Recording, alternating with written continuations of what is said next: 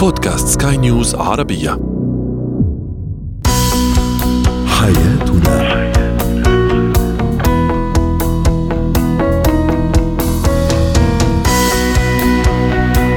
بكم في عدد الخميس من برنامج حياتنا ونفرده اليوم للحديث عن مواضيع متطلبات المرأة والرجل في شريك الحياة وكيف تختلف احتياجات الجنسين.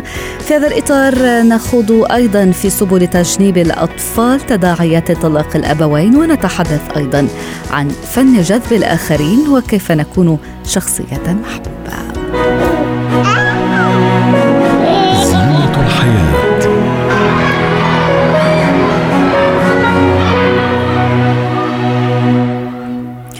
عندما يصل الزواج إلى طريق مسدود يصير الطلاق امرا لا منص منه لكن عندما يكون الزواج قد أثمر عن ابناء تصير المعادلة مرتبطة بهم ويتأثرون ربما أكثر من الزوجين عندما يدركون أن منظومة الأسرة كما يعرفونها ستتغير كليا ولن يعود بوسعهم. الاستمرار بالعيش مع الأم والأب تحت سقف واحد. نستضيف الخبيرة التربوية داليا قنديل. أهلا بك أستاذة داليا. الطلاق يقلب كيان الأسرة ولا يمكن أن يمر بدون خسائر خاصة بالنسبة للأبناء. لكن كيف نقلل من وقع هذا الحدث الجلل على أبناء هذا الزواج. مهما كانت أسباب الانفصال آه، بين الزوجين كانت مبررة بضل الموضوع بمثابه الصدمه للأطفال. فهم بيشوفوا في انهيار لعالمهم اللي كانوا هم بانيينه مع والدهم ووالدتهم. مهما كانوا الوالدين عم بيحاولوا إنهم يحافظوا على على الأسرة بضل الجو البيئة بشكل عام الجو المتوتر يؤثر بشكل سلبي على الأطفال. فكثير مهم لما الوالدين يقرروا الانفصال يكون الانفصال مبني على تهيئة نفسية للأطفال. أحد الأسباب المهمة اللي إحنا لازم نهيئ الأطفال لها قبل آه، وقوع حادثه الطلاق لأنهم بيعتقدوا إنهم هم اللي كانوا السبب بالانفصال بين الوالدين. ونقطة أخرى مهمة جدا يعتقد الأهل إنهم إذا ما يعني ما خبروا الأطفال هذا الشيء بقلل من حدة الآثار النفسية على الرغم إنه بتكون حدتها أكبر بكثير من لو خبرناهم أو كان في آه، جو العائلة متوتر. يعني مثلا إذا كان الزوجين ما عم بيظهروا خلافاتهم وفجأة تم الانفصال هذا الشيء بيكون وقعه كبير جدا أكبر من إنه آه، آه، إنه إحنا خبرناهم قبل إنه في خلافات زوجية ورح يتم الانفصال. نعم. أستاذة داليا وقع الانفصال.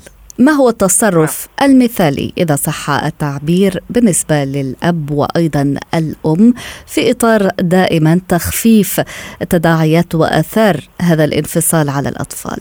هلا ليس هناك آه، نحكي إحنا في حل مثالي. هلا هذا الشيء يعتمد على وضع الأسرة يعتمد على وضع الأبوين يعتمد على علاقة الأبوين بالأطفال. ولكن بشكل عام هناك يجب آه، أن يكون ضرورة آه، لشرح أسباب الانفصال للأطفال. ونتحدث معهم باستمرار لحتى نجنبهم إنهم يكونوا آه، فريسة لمشاعرهم ومحاولاتهم إنهم يوجدوا تفسير للوضع.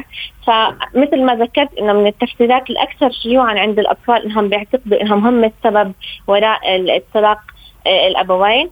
أيضا من الأخطاء اللي ممكن يوقع فيها العديد من الأهل إنهم آه، بيصير في آه، خطأ الضغط على أبنائهم لدعم يعني هم يدعموا طرف على حساب الآخر فبتركهم إنه الطفلين ممزقين يعني مش هم مش عارفين يخففوا على الأب ولا على الأم فهذا الشيء أيضا إنه نحاول قدر الإمكان نبعد الأطفال عن آه يعني آه عن عن التوتر جو التوتر يعني من قبل الوالدين أو حتى ما يكون في إهانة من قبل الأم اتجاه الأب.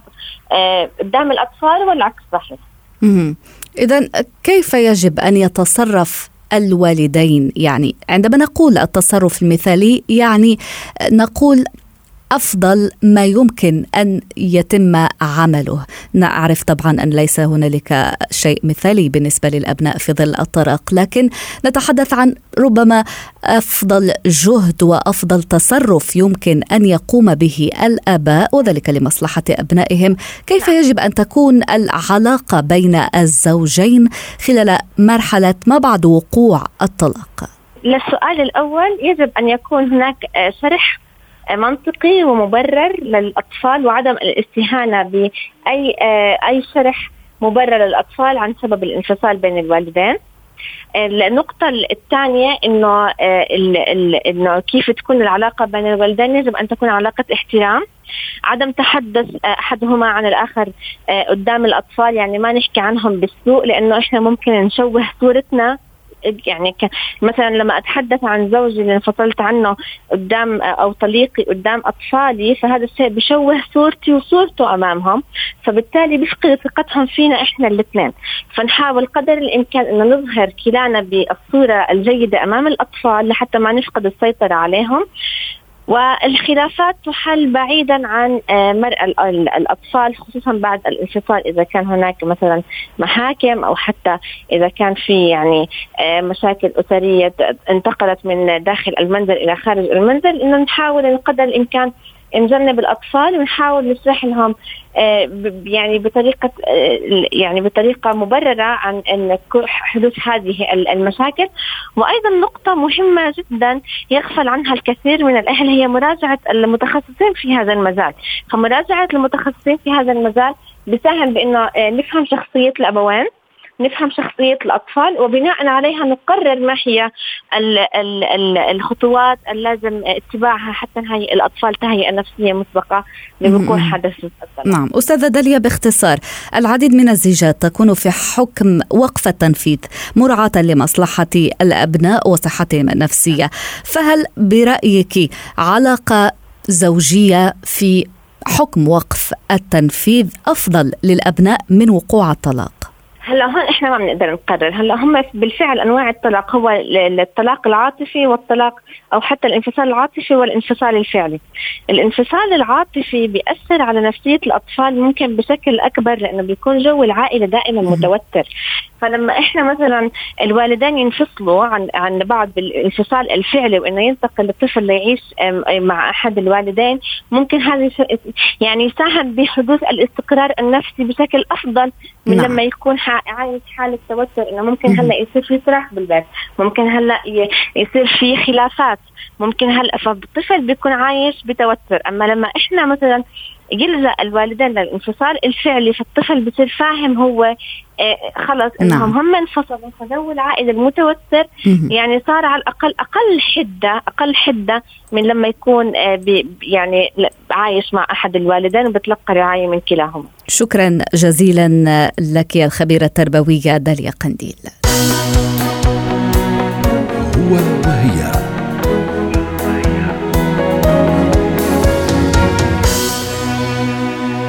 الزواج شركة يفترض فيها أن تكون شركة طويلة الأمد، أن تثمر تأسيس أطفال أو أسرة وربما أطفال، لكن تأسيس هذه المنظومة المجتمعية يتطلب معايير. تنضم إلينا استشارية العلاقات الزوجية والأسرية دكتورة عزة حامد زيان، أهلا بك. الزواج مشروع حياة يرتبط تحقيقه بمتطلبات الطرفين من شريك الحياة وتختلف هذه الاحتياجات باختلاف العديد من المعطيات. سنتحدث أولا عن المرأة. هناك ربما هامش بين ما تبحث عنه المرأة وما يتوجب أن تبحث عنه. نريد الحديث عن هذه النقطة لو سمحتي. إحنا عايزين من بعض إيه واحتياجاتنا إيه؟ الحقيقة سؤال بسيط في الظاهر ولكن في الجوهر صعب جدا. وتحقيقه بجد محتاج بذل مجهود من الطرفين. لأن أحيانا بنلاقي زوجين ما يعرفوش إيه الحاجات اللي محتاجها الشريك حتى آه على فكرة لو كانوا مع بعض كزوجين بقالهم سنين والنتيجة إن مهما بذل الشريك من مجهود ومهما كان عطاؤه يحس إن شريكه دايما غير راضي ومش مرتاح. وده لسبب بسيط جدا إن عطاؤه مش في ضوء احتياج الطرف الآخر. عشان كده مهم جدا نعرف متطلباتنا واحتياجاتنا من بعض من قبل كمان الجواز إحنا عايزين من بعض إيه. وعايزين من بعض إيه؟ دي طبعا بتختلف من راجل لست بعض النقط. وطبعا في احتياجات مشتركة أكيد هنتكلم عليها. حضرتك سألتي آه الست عايزة إيه من الراجل أو احتياجاتها منه إيه؟ اولا عايزة تحس معاه بالحب وبالمودة لأن دول المحرك الأساسي لأي تصرف منها. المشاعر والحنان والتعبير عنهم من أهم متطلبات واحتياجات الأنثى من الراجل عايزة منه كمان الاهتمام بالتفاصيل تفاصيل يومها. راحت فين؟ عملت إيه؟ أكلت إيه؟ طبيعتها كأنثى غارقة في التفاصيل. محتاجة الراجل يعيش معاها تفاصيلها. وده يودينا لفكرة المشاركة وإنها تحس إنها شريك أساسي وفعال في حياة الراجل وإنها جزء منه وعارفة الكبيرة والصغيرة عنه وعن حياته. محتاجة تسمع منه إنها أجمل نساء الأرض محتاجة تشوف التقدير في عينيه نعم. تقديرها كأنثى وتقديرها مهم. كإنسان وتقديرها العقل وتقديره لعقلها. وحسن تصرفاتها واختياراتها. إلى جانب هذه الاحتياجات معذرة على المقاطعة إلى جانب هذه الاحتياجات العاطفية نريد أن نخوض أيضا في الاحتياجات المعقولة في سياق واقع اليوم. يعني هنالك أيضا احتياجات اجتماعية مادية. نريد أن نتطرق للموازنة بين هذه الاحتياجات العاطفية وأيضا الاحتياجات الاجتماعية والمادية للمرأة وذلك للحصول على هذه أو هذا الانسجام لتحقيق التوافق. تعالي نقول إن إحنا اختلفنا اختلفت ظروفنا واختلفت بالتالي تطلعاتنا واحتياجاتنا من الآخر. وتعالي نقول كمان إنه آه في بنات أو في ستات بشكل عام آه، أصبح الاحتياج المادي كمان شيء أساسي جدا جدا جدا. وأصبح كمان صعب التنازل في بعض الأحيان عنه. ده طبعا نتيجة لأن إحنا كلنا كعالم مفتوح فشايفين بعض قصاد بعض. آه الرفاهيات ورفاهيات الرفاهيات ابتدت تتبروز قدامنا بشكل كبير. فابتدت البنت أو الست تفكر هيجيب شك شبكة بكام وشقة فين ومهر إيه. فابتدت طبعا الاحتياجات المادية تطغى قليلا أو كثيرا أحيانا في بعض الأحيان على الاحتياجات العاطفيه مهم. بس آه، برضو ما نقدرش نغفل إن المرأة آه، أو الفتاه عندها كمان احتياجات عاطفية ومن الاحتياجات الأساسية ليها كمان إحساسها بالرعاية وإنها مسؤولة من هذا الرجل وإن هذا الرجل هو السند والظهر والأمان والحماية والرعاية. وإنها مطمنة إنه لا ولن يتخلى عنها في أي وقت من الأوقات. محتاجة كمان منه الكرم. كرم الخلق الكرم المادي. حتى لو كان رقيق الحال كريم بالمتاح ما بين قوسين كده ما بيستكثرش. محتاجة كمان منه يسمع عشان هي تفضفض أفضل حالات الأنثى لما تفضفض وخصوصا لخطيبها أو لجوزها. عايزاه مستمع جيد غير مشغول عنها بتليفون أو PlayStation زي دلوقتي أو. شغل أو أصحاب. نريد أن نفرد أيضا حيزا زمنيا للحديث عن متطلبات الرجل. قد تختلف معايير انتقاء شريكة الحياة. فعما يبحث الرجل اليوم في زوجته المستقبلية؟ آه تعالي نقول إنه الرجل يبحث آه، من آه، أو عن الست الطيبة. طيبة كده شبه طيبة أمه واحتوائها وتسامحها وحنانها. على فكرة الست اللي بتسعى لإرضاء جوزها بشتى الطرق جوزها صعب يستغنى عنها مهما كانت بينهم من مشاكل تاني حاجة الرجل مفتاح عينيه ينجذب للست الحلوة الجميلة ولكن بيربط جمال شكلها بجمال عقلها وذكائها يعني ما بيحبش الست الغبية. يحب ويحتاج اللي تفهمه بسرعة. بس تفهم إيه؟ تفهم طبيعة شغله وعلاقاته باللي حواليه مم. وطبيعة وطبيعته كمان كراجل من غير يعني ما يقعد يقدم مبررات لكل التصرف. الراجل محتاج للست اللي تساعده على تحقيق طموحه وأهدافه. الست الناضجة المسؤولة اللي عندها رؤية للمستقبل وتفكر معاه لبكرة. محتاج للست المدبرة المنظمة اللي تخاف على ماله. ودي مهمة ومحددة أوجه صرفها لأن الست المسرفة منفرة جدا جدا للرجال بشكل عام. يعني محتاج للست اللي تعرف تدير بيتها بنظام وبأقل الإمكانيات ولكن كمان ما نغفلش إن الست أسوأ إن الراجل. محتاج للست الرومانسية الرقيقة المبتسمة وإنه كمان يشوفها أنثى طول الوقت. ومحتاج كمان في حياته للست المطيعة البعيدة عن الجدال والعند. ومحتاج للصبورة الراضية القنوعة اللي ما تحملوش ما لا يطيق اللي تعيش على الحلوة والمرة بلا أي تذمر أو شكوى. ولكن في تعالي نقول في صفات مشتركة واحتياجات مشتركة ب- بتجمع ما بين الطرفين أو ما بين الجنسين. يحتاجوا هما الاثنين لبعض الاحتياجات. نعم باختصار باختصار لو. سمحتي. محتاجين التفاهم محتاجين إن إحنا نقدر نفتح موضوع أو موضوعات للمناقشة من غير خناق وجدال. محتاجين ثقافة التسامح والاعتذار. محتاجين الإيمان بقدرات بعض. هو عاوزها مؤمنة بيه كراجل وسند وظهر وهي عايزاه مؤمن بقدراتها ومؤمن بحسن إدارتها للبيت وتربية الولاد. محتاجين من بعض الثقة. يشعر إنه في عينيها أعظم الرجال. نعم. وهي تشعر انها في عينه أجمل النساء. نعم. وأخيرا بتمنى للجميع كل الخير وبشكركم ومساءكم جميل. ولك أيضا استشارية العلاقات الزوجية والأسرية دكتورة عزة حامد زيان. شكرا لك. مهارات الحياة.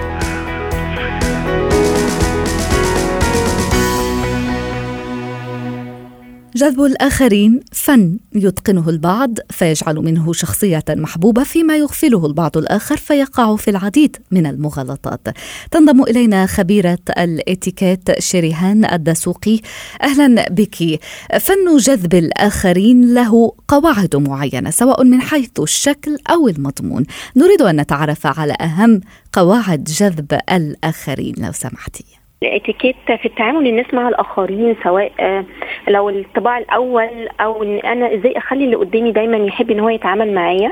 لو هنتكلم على ال first impression في الإتيكيت في آه، في جامعة بنسلفانيا كان في عملوا دراسة الموضوع ده قالوا آه، إن في 55% بيعتمد على ال visual و38% بيعتمد على ال vocal و7% بس على اللي هو أنا جاي أقول إيه.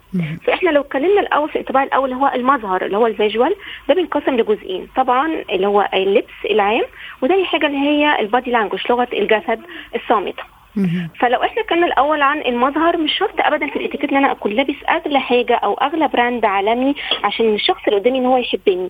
أهم حاجة إن أكون إنسان بسيط بلبس لبس نظيف يكون متناسق آه، في الشكل بحيث إن هو يدي انطباع للي قدامي إن أنا حتى عندي ذوق في لبسي. بالنسبة للغة الجسد آه، في لغة إيجابية ولغة سلبية. أحيانا إحنا بنمشي بطريقة خاطئة بنقعد بطريقة خاطئة فلو أول مرة حد بيشوفنا لو هيتعامل معانا لازم لازم أكون ماشي صح فارد إن أنا كت يعني كتفي آه، دقني يكون مساوية للأرض نظرتي تكون أمامي لا باصص فوق قوي ولا تحت قوي. فبالتالي بيدي اللي قدامي إن أنا واثق في نفسي فيحب إن هو يتعامل معايا. بالنسبة للنقطة الثانية ودي مهمة جدا وعايزة أقف عندها اللي هي الفوكال نبرة صوتي. في آه، خصوصا السيدات بيفتكروا لما أنا أتكلم بطريقة ناعمة شوية إن أنا كده شخصية بقى عندي اتيكيت وذوق وبفهم قوي في التعامل مع الناس. أحيانا ده بيكون خاطئ الناس ممكن يفتكروا إن أنا آه، ضعيفة الشخصية. وأحيانا برضو السيدات اللي بيكون صوتهم عالي قوي ده بيدي بالانطباع بإن أنا عندي شخصية controlling ويعني إيه aggressive شوية فمش بيحبوا يتعاملوا معايا. أهم حاجة ال tone يكون يعني مظبوط إن الشخص اللي قدامي يحب يسمعني ويكون فاهمني كويس. يعني ما ينفعش ابدا وأنا بتكلم صوتي يكون واطي قوي فاللي قدامي يقول لي ممكن كده كلامك أنت بتقول إيه؟ ده غلط ده مش من الاتيكيت لازم صوتي يكون مسموع للشخص اللي قدامي. فده بيكون مناسب للشخص وهو بيسمعني. في حاجة تانية برضو اسمها لاكور اللي هي الألفة ما بيني وما بين اللي قدامي لازم يكون عندي سنس يعني لو الشخص اللي قدامي بيتكلم هادي شوية وبطيء أنا بتكلم معاه بنفس طريقته. يعني ما ينفعش يكون هو هادي بيتكلم بالراحة وأنا أقعد أتكلم كتير كتير كتير. طبعا هو كده آه، مش هيقدر إن هو يتجاوب معايا. وكذلك الشخص اللي قدامي لو هو سريع وبيتكلم بسرعة لازم أنا برضو أجاريه وأتكلم زيه بسرعة فبحيث إن إحنا الاثنين نكون ماشيين على نفس المستوى. آخر حاجة اللي هي في المية اللي هي خاصة ب يعني إن أنا جاية أقول إيه. في ناس تفتكر دايما لما أجي أعمل مثلا انترفيو ورايح يقعد يذاكر ويقول أنا هقول إيه آه والناس مثلا هتسمعني إزاي ولازم أقول كلام مهم وينسى خالص اللي إحنا قلنا عليهم في الأول ال 55% بتوع المظهر وال 38% بتوع ال vocal دول أهم. ولكن طبعا أنا لما أكون منظم في كلامي عندي معلومات كافية آه وأنا بتكلم مع الناس اللي قدامي يعرفوا إن أنا موهوب وعندي في كل علوم الدنيا بفهم حتى لو point بسيطة ده بيفرق جدا مع الناس. فهي الثلاث النقط دول اللي اختصروا الانطباع الأول أو إزاي أكون شخص محبوب والناس تحب تتعامل معايا. نعم إذا قبل أيوة. أن نختم لضيق الوقت آه، أستاذة آه، نود يعني بعض النصائح إجمالا للناس سواء السيدات أو الرجال يعني مدخل ربما لفن جذب الآخرين طيب لو إحنا هنقول للسيدات زي ما إحنا قلنا أهم حاجة طبعا تكون نظيفة جدا مظهرها يكون جيد جدا للأشخاص اللي قدامها. ما تكونش فيه نميمة طبعا يعني ما أجي أقابل واحدة شخص يعني أول مرة أقابلها. ما ينفعش أتكلم على واحدة تانية قدامها آه، بطريقة مش لطيفة. هي هتاخد عني فكرة إن أنا كمان هتكلم عليها بطريقة مش لطيفة. فناخد بالنا من النقطة دي خصوصا للسيدات لأن أنا بنفسي في الواقع بشوف كده قدامي. دي مهمة جدا. بالنسبة للرجال هو الرجال أحيانا مش بيهتموا بالإتيكيت قوي لكن بالعكس لما أكون أنا شخص جنتلمان يعني إيه جنتلمان يعني أكون برضو هيئتي كويسة مهتم بمظهري. حتى لو مش زي ما أنا قلنا مش شرط كل لابس غالي قوي ولكن ال- مثلا التيشيرت لايق مع البنطلون مع الشوز بتاعي. إيه شخص محبوب خدوم مع الناس اللي حواليا. فكل ده طبعا بيفرق جدا جدا في التعامل معنا سواء سيدة أو رجل. شكرا لك خبيرة الاتيكيت شريهان الدسوقي. حياتنا